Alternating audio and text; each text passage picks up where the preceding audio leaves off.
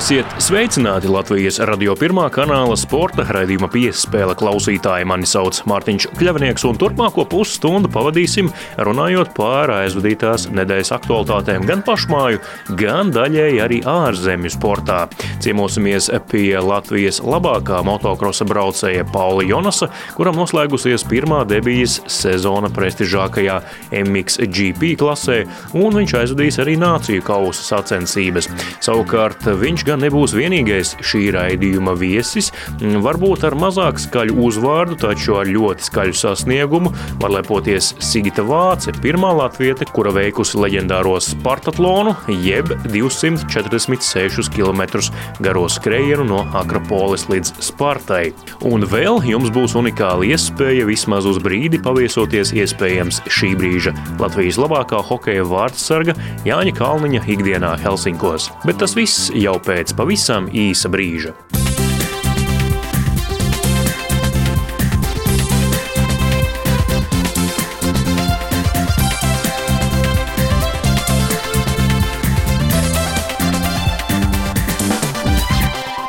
Jūs klausāties Latvijas radio pirmā kanāla sporta raidījuma piespēle studijā Mārtiņš Kļavnieks un sākam spēcīgi ar motoru rūkoņu. Tas gan pārnestā nozīmē, jo dosimies ciemos pie Latvijas labākā motokrosa braucēja Paula Jonasa. Viņš aizvadītajā sezonā debitēja pasaules čempionāta prestižākajā MXGP klasē un pats šo debiju nodēvējis par veiksmīgu, jo ne katram braucējam izdodoties vairākas reizes sezonā kāpt uz goda piedestāla pēc pārcelšanās no MX2 klases. Šosezon Jonas ar 458 punktiem MXGP čempionātā finišēja sestais, un ciemos pie Paula Jonasa devās mans kolēģis Māris Bergs. Tagad es atgriezies atpakaļ mājās Latvijā. Kā pavadu šo laiku šeit, dzimtenē? Jā, pagaidām es sanācu tā, ka Latvijā esmu nedaudz vairāk kā vienu nedēļu. Un to pirmo nedēļu esmu šeit nedaudz vairāk, nedzīvoju tieši mājās, bet Rīgā jau bija daudz intervijas un jāsatiek daži cilvēki. Tā kā vienmēr pēc sezonas, kad ir tas brīvais laiks, pirmo nedēļu es veltu teiksim, tā intervijām un visām citām lietām, un pēc tam tās nākušās divas nedēļas atpūtīšos arī šo nedēļu vairāk dzīvošu mājām, jāpavadīšu vairāk laika kopā ar ģimeni. Pirmā sezona ir aiz muguras, tas, tās emocijas arī bijušas nosēdušās kā vērtēt to paveikto darbu tagad ar vēsu prātu jau? Kopumā ņemot, es domāju, ka savu uzdevumu tajā pirmajā sezonā esmu izpildījis un tiešām to mērķi, ko mēs uzstādījām pirms sezonas, iegūt pieredzi un uh, iepazīties ar tieši ar MXGP klasi, esmu izpildījis. Arī tas mērķis bija sezonas beigām kļūt spēcīgākam un cīnīties vairāk par to priekšu. Un, uh, tā arī bija, ka nākot sezonas beigām jau biežāk. Uh, bija tuvumā top 3, kā arī kāpj uz godu piedestālu vairākas reizes. Un uh, trīs reizes uz godu piedestālu tajā pirmajā sezonā MXGP klasē ļoti daudz neizdodas izdarīt. Tāpēc es domāju, ka finišēt sastajam kopvērtējumā pirmajā sezonā nav nemaz tik slikti, ņemot vērā to, kas notika ziemā, ka nevarēja pilnībā sagatavoties sezonai un cik gatavs es stājos uz starta pirmajā posmā. Jā, tieši minēju, ka sezonas otro pusi ātrums bija krietni vien labāks. Kur tev izdevās atrast to ātrumu? Pats sadraudzējies ar motociklu labāk, fiziskā kondīcija uzlabojās. Kas vēl mainījās, teiksim, ko salīdzinot ar sezonas ievadu? Sezonas ievadā tajā pirmajā posmā, kur startēja Argentīnā, es biju pavadījis teiksim, nopietnākos treniņos uz moci tikai mēnesi, kas ir ļoti, ļoti maz. Jo pārstāvjums pirmā posma jau tas trenējies cītīgi 3-4 mēnešus pilnā slodzē, un arī tas mēnesis līdz Argentīnai nebija tā, ka es varēju trenēties pilnībā un uz so sezonas beigām, uz sezonas vidu varēja jau pilnvērtīgi trenēties un uh, iebraukties, sadraudzēties ar motociklu un uh, ieiesties varbūt komandā, tieši saprast, ko es varu prasīt un cik daudz kurā brīdī. Cik daudz laika vispār ir treniņiem sezonas gaitā, jo tur būtībā posmi ir viens pēc otra, katru nedēļas nogali, vairākas nedēļas nogalas pēc kārtas. Teiksim tā, ja ir uh, sacensība pēc sacensības, katra nedēļas nogali, tad uh, starp sacensībām motociklu nobraucam treniņus divreiz nedēļā, kas ir otrdien, trešdien. Un tad uh, pirmdien, ceturtdien vēl tam uh, nelieliem, tā, teiksim, tā fiziskiem treniņiem, uh, lokanībai un tādiem vingrinājumiem, lai vienkārši nostiprinātu muskuļus un uh, uzturētu savu formā. Un tad piekdiena ir ceļošanas diena, kad mēs ceļojam uz sacensībām.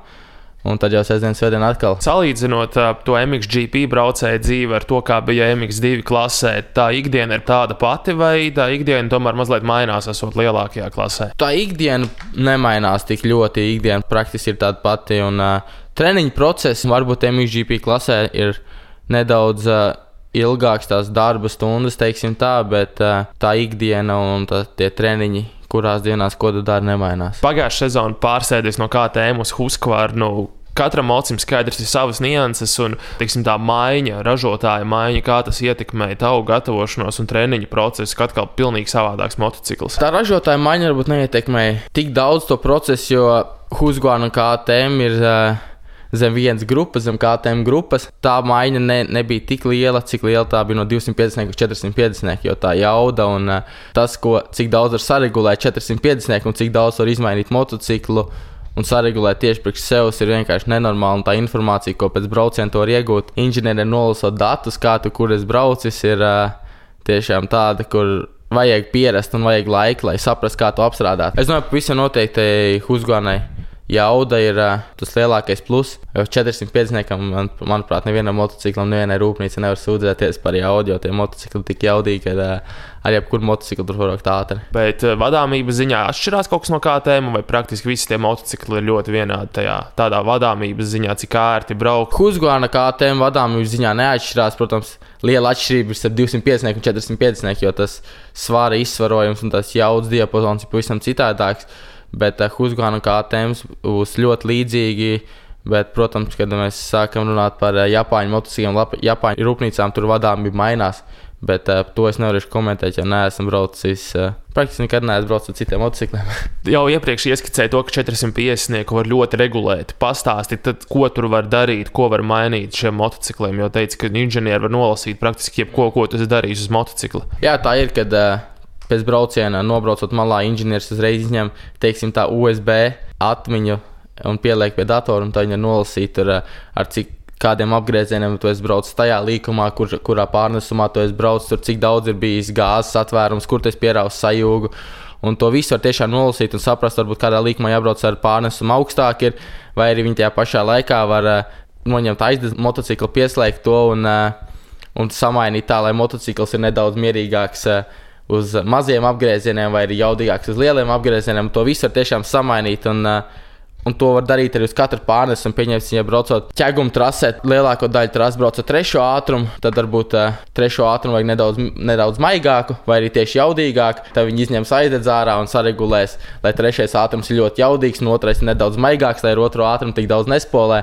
Tā kā tur var mainīt ļoti, ļoti daudz, un uh, tajā visā ir jāiedziļinās un uh, jāsaprot, ko tu gribi panākt no tā motocikla. Un vairāk arī braucot, ir jādomā, kur tu brauc ar otro pārnesumu, ar trešo vai ceturto. Dažreiz nelikās, ka tas mocis ir pat pārāk jaudīgs, ka tas mocis raujās ārā, īpaši uz brauciena beigām, kad drīzāk esi kā pasažieris, nevis ka tu tur visu kontrolē. Jā, pavisam noteikti. Tas, es domāju, jebkuram braucējam ir sezonā gadās kādā brīdī, jo tie motocikli ir ļoti jaudīgi. Un, uh, ja tu īstajā brīdī varbūt nesaproti, ka tev ir jābrauc nedaudz maigāk, tad var sanākt liela kritiena vai liela ziepes. Jo ir arī braukšanas laikā ir uh, uz kreisās rokas blakus sajūta heblītam, ir tāds slēdzis, kur tur pārslēgt ir. Uh, man ir jaudīgāks vai mazāk jaudīgs tās aizdedzes regulējums, un to var pārslēgt, un tā motociklis ir nedaudz mierīgāks. Kādas jums ir abiem attiecības savā starpā ar Prādo pēc tā pagājušā gada negadījuma, kur guva arī ceļa traumu? Nekādas.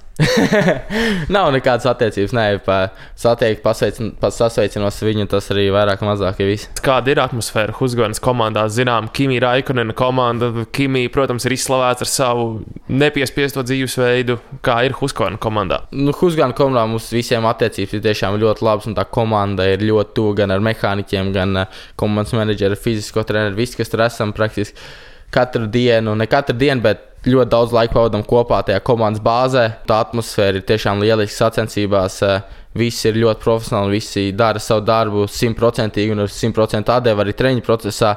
Bet, kad ir tāds brīvāks laiks, tad visi smējamies un kopā pavadām labu laiku. Komandas īpašnieks, Jā, Kimija Raikonens, ar viņu ir izdevies satikties un aprunāties. Jā, viņš bija sezonas vidū viņš bija atbraucis uz Beļģiju, paskatīties, kā viss notiek komandā un komandas bāzes, bija atbraucis apciemot. Tā kā sanāca nedaudz parunāties ar viņu, un uh, tiešām ļoti, ļoti sakarīgs cilvēks. Kimija mācās kaut ko no jums abiem ar uh, Armīnu Jasikoni, kā jābrauc? es nezinu, es nezinu, viņš katru sacensību viņš skatās televizorā un uh, klātienē šogad viņš nebija nevienu reizi. Bet uh, es domāju, noteikti, ka viņš mācās, un arī tas komandas menedžers viņam pamāca kādas nianses. Skatāmies uz priekšu uz nākamo sezonu. Kādi tev plāni tagad tuvākie ir gatavošanās procesā? Kā, kā sāksi gatavošanos tagad jaunajam gadam jau? Tagad uh, nākošais nedēļa jau sākšu fiziskos treniņus, un tad novembrī sākumā Oktobra beigās došos uz Beļģiju, novembra sākumā sāksim braukt ar motociklu. Aizvedīsim treniņus Beļģijā, gan fiziskās, gan ar motociklu līdz janvāra sākumam. Tad janvāra sākumā dosimies uz uh, Sardīniju, kur aizdodīsim treniņu nometni tur. Un tad jau februāra beigās vai marta sākumā sāksies pasaules čempionāts. Ceļgals neatgādina pats par sevi, tad, kad veids kaut kādus vingrinājumus uz kājām. Treniņos pat īpaši ne. Citreiz ir tā, ka ikdienā, kad pēc kāda treniņa vakarā vai nākamajā rītā jūtot celu nedaudz ejot, ka viņš ir neteiksim tā, ka sāp, bet ir nedaudz jūtīgs un uh, tas dīvains. Savā treneru pulkā esi veicis kādas izmaiņas, vai treneri tev paliek tie paši, kas bija jau līdz šim? Pagaidām uh, treneri paliek tie paši, kas bija līdz šim Harijs Everts un uh, Tomijs Kontinents, kas ir fiziskais treneris no komandas. Kā jums ir ar Hariju Evertsu sastrādāties? Iepriekš ar Stefanu Everts arī daudz strādājis. Kā tagad ar Hariju iet? Ļoti labi, ļoti labi. Es dzīvoju tajā pašā pilsētā, kur Harijs dzīvo Beļģijā. Un, uh, pavadām ļoti laiku daudz kopā, braucam kopā uz treniņiem. Un uh, varētu teikt, ka, ka es jūtos, ka esmu viņa ģimenes loceklis gandrīz vai tur. Uz nākamo sezonu Huskvarna plāno jaunu tehniku vilkt ārā, vai tomēr attīstīsiet jau esošo motociklu un vienkārši strādāsiet uz priekšu ar to bāzi, kas jau ir līdz šim bijusi. Bāze paliks tāda pati, protams, strādāsim pie niansēm, lai uzlabotu tās. Tā bāzes motocikls ir ļoti labs, vienkārši jāpiestrādā pie tām niansēm, un ar tām var spērt lielu soli uz priekšu. Kas varētu būt tā galvenā nianse, ko tu gribētu ieraudzīt labāku nākamās sezonas motociklā? Tagad jau asināk, kad es testēju jauno motoregulējumu, tas jau bija tāds liels solis uz priekšu, ko es gribēju uzlabot uz nākošo gadu, kad bija man numur viens uh, manā sarakstā augšgalā, ko es gribēju mainīt.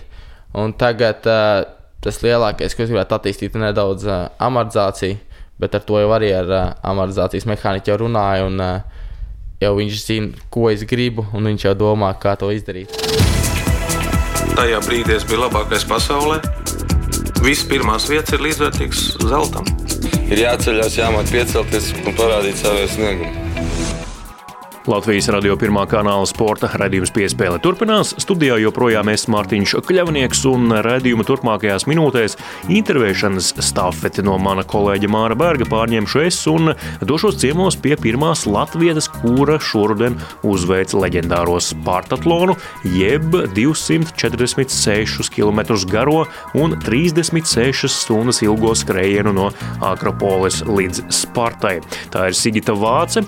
Viņa ar ultragaro distanču skriešanu nodarbojas jau vairākus gadus, taču tas viss sākās pavisam nevainīgi ar pieciem noskrietiem kilometriem Rīgas maratonā. Dodamies ciemos pie Sigitas Vācas šķiet, nu, to varētu saukt par savu veidu, jebkura cilvēka spēju robežu, jo nu, dažkārt šķiet prātam neaptverami. Runa ir par 246 km, kas jāskrien no Akropolis līdz Spartai. Tas ir vēsturiskais Spartatlons. Laika ierobežojums 36 stundas, un tajā iekļāvusies šogad pirmā latvieta Sigita Vāce. Viņa arī ir raidījuma piespēle viesiņa. Sveiki, Sigita! Labdien, klausītājiem! Kā pie tā var nonākt? Lai maratonu noskriet, tur jau tiem treniņiem ir jābūt jābūt eh, ļoti plānveidīgiem, ilgiem un jau iepriekš sāktiem labu laiku pirms maratona, lai to varētu vispār izdarīt. Bet, lai Spartatlonu noskrietu, kāda tur ir treniņa metodika vispār jāpielieto, lai to varētu izdarīt? Pirmkārt, eh, ir jākvalificējās, eh, un to man izdevās izpildīt gan 17. gadā manuprāt, arī 18. gadā. Treniņu sākumu ietekmē izloze, jo tie gribētāji uz Spartatlonu ir daudz vairāk nekā Spartatlons pieņem. Pieņem 400 skrējējus, gribētāji ir noteikti divreiz vairāk, ja ne vēl vairāk. Un nevar zināt, vai ir vērts sākt trenēties, jo tu neesi vēl izlozēts. Izlozes rezultāti ir skaidri martā, tad reāli atliek tikai pusgads, lai sagatavotos, un tas pusgads ir ļoti intensīvs. Šogad, manuprāt, man bija kādi pieci maratoni vai četri kā treniņu procesa sastāvdaļas Spartatlonam. Nu, kopā man sanāca šogad no janvāra līdz septembrim noskriet treniņos 3000 km. Jūs jau minējāt, tikko, ka nu, redz, visi nemaz netiek. Tie, kuri grib pie skriešanas, tad to trako pasaulē ir ļoti daudz, kuri vēlas šādu piedzīvojumu un savu spēju pārbaudīt. Tieši tā, trako ir ļoti daudz, un pats interesantākais, ka viņi tur atgriežas. Viņi noskrien vienreiz, un viņi ir klāti pēc gada, diviem. Man sanāca šogad iepazīties ar vācu sportistu kurš ir 25 reizes skrējis Spartatlonu, no tām finišējis 22. Neviļus arī jājautā par uh, to, kad tad skriešana kļuva par jūsu, nu, laikam jau par mīlestību, jo nu, par hobiju to vairs nevar saukt šādās distancēs skrienot. Tam jau ir jābūt dzīvesveidam un laikam mīlestībai pret skriešanu. Kad tā aizsāka? Skriešana aizsākās nu, jau pirms 11 gadiem patiesībā, jā, kāds 2008. gads. Sāku kā parasts cilvēks ar pirmo piečuku Rīgas maratonā. Tad, kad bija noskrieti kādi deviņi pusmaratoni, tad jau tā saprātīgi nonācu līdz pirmajam maratonam, kuram es gatavojos ļoti cītīgi. Ļoti. Tas bija Berlīnē. Tad tā, kā saka, laikam apetīti rodas ēdot, pēc tā maratona jau pamēģina 50, pamēģina 70, un tad jau tās cilvēku robežas jau kaut kā izplešas. Tieši garās distances sāku skriet pirms pieciem gadiem, 14. gada beigās slavenākais latviečs, kurš ir pieveicis uh, Spartatlonu, nu, vismaz mediju vidē, kurš intervētas pēdējos gados vairākas reizes, Edgars Simonovičs, ir stāstījis dažādus stāstus. Arī es pats esmu bijis uz šiem mm, pieredzes stāstu vakariem, uh, ko uh, šie ultragaro distanču skrējēji rīko. Un, nu, tur tie stāsti tiešām dažādi. Cits neatceras kaut kādu trases vidusdaļu nakts posmā, kad šķiet ir iemidzis, lai gan pats to īsti apgalvot nevar. Klaiņojoši suņi, um, ceļi, kurus tu neredzi. Kāds ir jūsu stāsts? Man patiesībā tas stāsts, kā man teica, man atbalsta komanda. Es visu laiku esmu bijusi saprātīga un runājusi saprātīgi. Ir kaut, kā, kaut ko, ko neuztver, ko tev saka. Tas, protams, tagad, skatoties tos ierakstītos video, ir tā, ka es tur kaut kādā brīdī brīnos, ko man jautā, un īstenībā nevaru atbildēt. Uh, bet tā es atceros visu. Uh, man tas grūtums iestājās tajā, tajos pēdējos desmit. Nu, tur bija tā, ka, mm, ja nebūtu atbalsta komandas, es turpat paliktu uz tā asfalta. Jo tas karstums bija mežonīgs. Ja salīdzinātu ar, ar Edgara pagājušā gada skrējienu, viņam bija lietus un vētra, kas nav raksturīgs Spartatlonam. Tas gadās vienreiz pa simts gadiem. Standarts Spartatlons ir ar plus 30, un es izbaudīju to standarta Spartatlonu. Pirmie 80 ir skrienami, bet ar, ar nelieliem kāpumiem pasākumiem. Tad nāk tas lielais mežonīgais kalns, no kā visi baidās. Es priecājos, ka viņš ir patiesībā tumsā, jo gaismā tur droši vien būtu diezgan bailīgi. Tur tie nogrūmi un kraujas ir diezgan stāvas. Un tad beigas atkal it kā sanāk, ka tu skrien uz leju, bet tāpatām tie kāpumi tur veidojās. Jo nu, Grieķija tomēr ir kalnu zeme. Pagājušas vairākas dienas, um, tiešām vairākas dienas pēc finiša, kad jau ir bijis laiks apdomāt to, kas bija, kā bija un kur bija. Kā jūs atceraties to finišu un tā brīža sajūtas? Patiesībā tās finiša emocijas īsti nebija tā, ka nu ir sasniegts. Nu, vis, tas iestājās nākamajā dienā. Vi, viss tā apziņa iestājās nākamajā dienā, kad arī nāk arī pārējie sportisti un izbauda to finišu atmosfēru, jau tāds izgulējies un atpūties nedaudz, un tad, tad var izbaudīt. Nu, paiet vēl pāris dienas, tad jau sākas analīze, ko varēja savādāk, kas bija tās kļūdiņas, kas tika pieļautas. Nu, tad jau iestājas tāda domāšana. Kāda ir atsaucība no ģimenes draugiem, mainiekiem, paziņām? Nu, viņi jūs uzskata par dullu, traku vai tiešām tādu piedzīvojumu meklētāju, riskētāju? Nu, vairāk tas pirmais variants, dūlu un traku. Tā arī saka, neko neslēpj, saka patiešo. Man liekas, es jau viņus esmu nedaudz pieradinājusi pie tā dūluma un trakuma, jo tas jau ir kādus piecus gadus. Māma ļoti uztraucās. Viņa pat izgāja pati, nobraukt tos 12 km ar riteni, lai nebūtu jāsako līdzi un jāuztraucās. Pārējie atbalstītāji, viņi daudz zināja, cik es esmu gatavojusies. Man, manuprāt, maniem atbalstītājiem nebija šaubu, ka es finišēšu. Līdz ar to man liekas, 99% tam ticēja. Un tas ir tāds nišas skrējiens. Nu, tur nepiesakās vienkārši piedzīvojumu meklētāji pēc vecpuļu balīdzes, piemēram, vai tur tiešām ir tie, kuri grib un arī mērķiecīgi gatavojas. Tieši tā, jo patiesībā tur tāpat īsti nemaz nevar pieteikties. Lai tiktu pie tās loterijas, ir jāizpilda kvalifikācija tie kvalifikācijas rādītāji ir gan augsti. Līdz ar to nē, nu, pēc vecpuļu balīdzes tur nekādīgi nevar ietrāpīt, pieteikties, jo nav vienkārši to kvalifikācijas mm. izpildīto prasību. Nu, tā saucamā prāta ceļa karte, kas notiek jūsu galvā. Tas skrien laikā, vai ir kaut kāds plāns, par ko domāt, vai vispār ne par ko nedomāt, domāt par katru nākamo kilometru, ko darīt, kā darīt, vai skriet ar tukšu galvu. Bieži vien citos skrejienos es diezgan daudz par kaut ko domāju Kas man pārsteidza Spartatlonā, drīzāk bija jā, tas tukšās galvas tāds, tāds sindroms, jo es kaut kā tiešām biju prāta atslēgus. Protams, pirmajos kilometros vēro citus skrējējus, skatās, kādi viņi ir un ko un kā, kā sagatavojušies, kāds ekipējums un kāds solis un taktika. Un, un, un tālāk jau, protams, gaida savējos un skrien katru posmiņu, jo tu zini, ka tu satiksi savu atbalstu komandu un dabūsi tur uzmundrinājumu. Vienīgā doma, ko šobrīd atceros, bija, kā es tie iekūlos. Un tad, un tad pat arī atbildēja, ka pašai jātiek ārā. Un uh, lūzuma punkts. Jūs jau teicāt, ka pēdējie kilometri bija visgrūtākie, bet vai bija tas lūzuma punkts, kuram bija jātiek pāri? Uh, nu, tas varbūt psiholoģiski un fiziski grūtākais. Lūzuma punkts varbūt tīri tā fiziski nebija, bet man nedaudz sabaidīja, ka pret kalnu ejot man pārpūlējās nedaudz kāja un sāk sāpēt viens muskulis. Bet tādu lielu lūzuma punktu līdz tam 236. īsti nebija. Nu, un neviļus tad sarunas beigās arī jājautā, vai arī jūs vēlreiz lieksiet šajā avantūrā, kas jau īsti nav avantūra, kā mēs noskaidrojam, jo tā ir jāgatavojas mērķiecīgi. Jā, nu, kā jau teicu, pusstundu pēc finiša nekad vairs. Bet, kā visi zina, ultramaratonistiem atmiņa ir ļoti īsa. Paprasiet viņam to pēc divām dienām, un viņš teiks, ka piedalīsies. Es īsti nezinu, klausītāji. Šobrīd ir sajūta, ka to varētu mierīgi vēl vienreiz kas biedē tiešām tas sagatavošanās posms, jo tagad es zinu, kas tas ir. Kā man teica draudzene, Viņa paskatījās uzvarētājas vecumu, 48 gadi. Viņa saka, tev viss vēl ir priekšā. Tāpēc nekad nesaka nekad. Nekad nesaka nekad ar tādiem vārdiem arī noslēdzam šo sarunu ar Sigitu Vāci, pirmo latvieti, kura veikusi leģendāro Spartatlonu. Paldies, Sigit, par sagādātajām emocijām tiem, kur bija klātienē un kur vēroja pēc tam video ar jūsu finišu, un arī tiem, kuri šobrīd klausījās Latvijas radio pirmā kanāla sporta raidījuma piespēli. Paldies! Paldies! Viens mats ir trausls, bet, ja sapīt bizē, tu viņu nekad nepārrausi. Ja? Un muskuļu šķiedra arī bija kvijums. Protams, vēlākais prieks, ka mēs palikām elitē, cīnījāmies un labi nospēlējām, es domāju. Studijā Mārtiņš Kļavnieks un e, raidījuma izskaņā parunāsim arī par hokeju. Iespējams, šī brīža Latvijas labākais hokeja vārdsargs ir Jānis Kalniņš.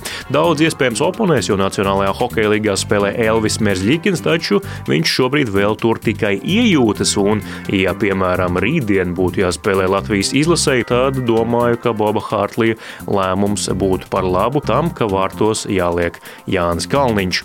Viņš šobrīd ir kontinentālās hokeja līgas Latvijas vienas no spēcīgākajām komandām Helsinku Jokerīt pamatvārdsargs, izkonkurējis Somu Antiniemī un Helsinkos Jāni Mīl.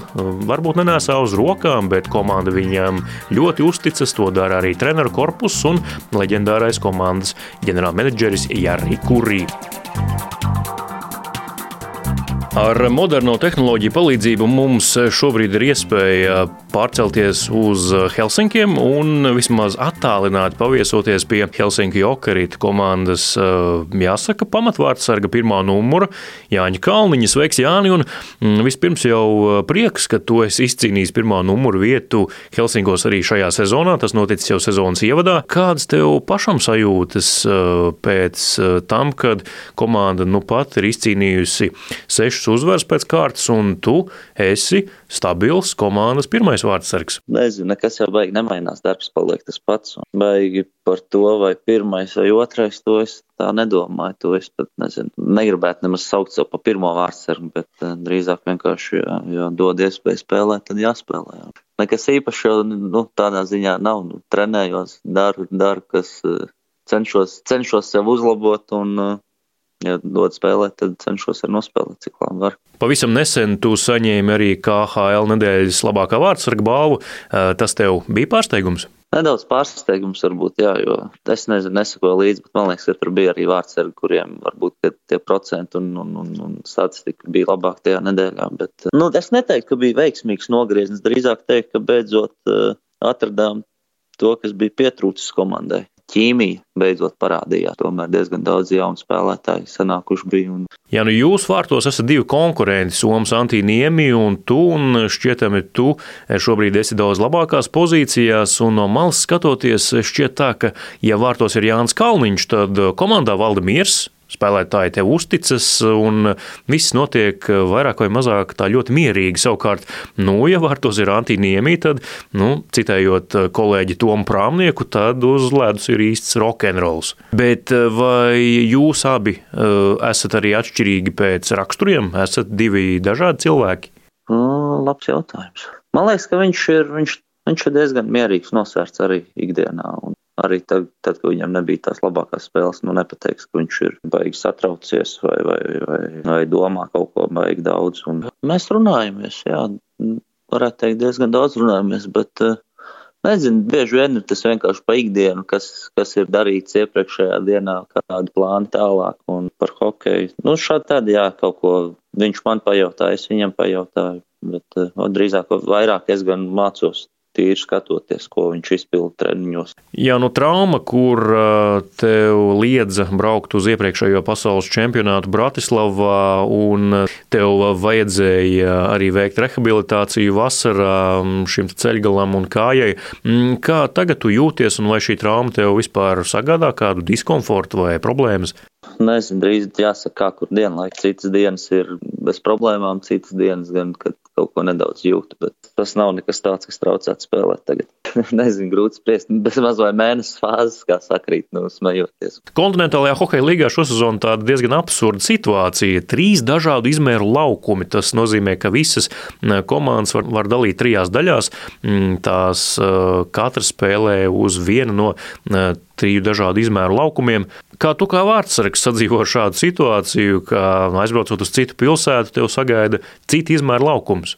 Ir savādāk, noteikti katru laukumu jūt savādāk. Es domāju, spēlētājiem ir grūtāk pāriet no lielā uz mazo vai otrādi. Vārdsargiem, nu, man personīgi tas vairāk ietekmē, tā kā leņķi. Ja ir lielais laukums, tad, piemēram, ja pretinieks nāk zonā gar malu iekšā, tad es varu atļauties taisīt garākus soļus. Jā, bet, ja ir mazais laukums, tad man sanāk, ir jānogaida viena sekunde ilgāk, un tad, tad tikai var to soli taisīt. Ir, ir, ir starpība jūtama, tā kā vienmēr arī uh, dienu pirms spēles vai divas dienas pirms. Tā ar vārdsargu treneru par to tieši ar aprunājamies, tad viņš pasaka, tur pajautāja, vai lielais vai mazais laukums, un pasaka, kādas, kādas varbūtības var būt no attiecīgās komandas uz attiecīgā laukuma. Bet jūs, kā Somijas komanda, interesanti, ka nespēlējat uz Somijas izmēra laukumu, bet spēlējat uz standarta lielākā no iespējamiem, uz Startautiskās hokeja federācijas standarta laukumu, vai ne? Jā, jā, jā. interesanti situācija. Tā ir, man liekas, arī, jā. Bet, eh, nu, tā tas ir. Un kā ar treniņu hali, vai arī tajā ir eh, pavisam lielais laukums, vai kāda cita izmēra ledus? Nē, lai vai cik smieklīgi tas nebūtu, tas ir pēc Tomijas laukuma, pēc izmēra. Tā kā mums eh, spēlējam lielajā, ja trenējamies, nu, bet pārsvarā mēs trenējamies ar lielā laukuma, bet uh, ir, ir reizes, kad ejam lejā pagrabā un tad ir mazais laukums nebūtu arī bijušas beigās reizes, kad eh, spēlētājs sūdzētos par to, ka o, mēs trenējamies uz lielā spēlē, maz, mazajā vai otrādi. Nu, mēs runājam par laukumu izmēriem, bet skaidrs, ka mm, nu, tie mazākie laukumi, Kanādas izmēra laukumi cieņā ir Ziemeļamerikā. Man jāuzdod jau jautājums, ko līdzutēji vaicā sociālajā vidē un arī tīmekļu komentāros, vai, ja Jānim Kalniņam pēc šīs sezonas būs piedāvājums braukt uz Ziemeļameriku, piemēram, spēlēt kādā NHL organizācijā, organizācijā ar divvirzienu līgumu, vai tu eh, tad 28 gadu vecumā to darīsi? Noteikti, jā.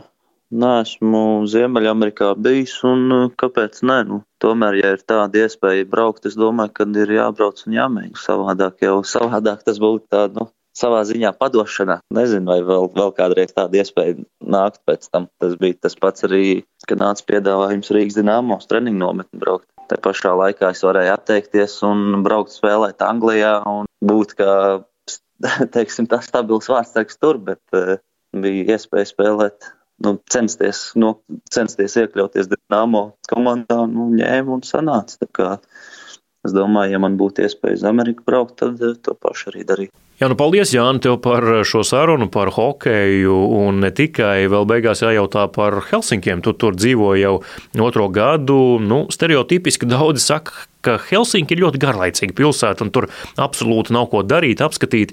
Mm, kāds ir tavs viedoklis? Tu šo pilsētu tomēr jau esi iepazinis, vai tā tiešām ir? Jā, man sākumā arī tā likās, kad ar Rīgu šeit braucām spēlēt, bet īstenībā nav nemaz tā, ka padzīvo ilgāk, tad saprot, ka nav nemaz, ka galīgi nav garlaicīgi, kā, kā liekas sākumā uz pirmām pāris dienām. Te ir ko, ir ko redzēt, ir ko darīt, un manuprāt, ēdienas ļoti garšīgs šitam restorānos paēst. Pagaidām neesmu vīlušies. Paldies! Tā bija saruna ar Helsinku Jokerīta hokeja komandas vārdu sargu Jāni Kalniņu. Paldies, Jāni, tev, un tad jau tiekamies hokeja mačos! Nu, to jau redzēsim, jā. Tā kā paldies! Latvijas radio pirmā kanāla sporta raidījums piespēle. Līdz ar to arī izskan. To veidoja Māris Bergs, Mārtiņš Kļavinieks un par labskaņu parūpējās Nora Mītspapa. Uz sadzirdēšanos jau kādu citu reizi.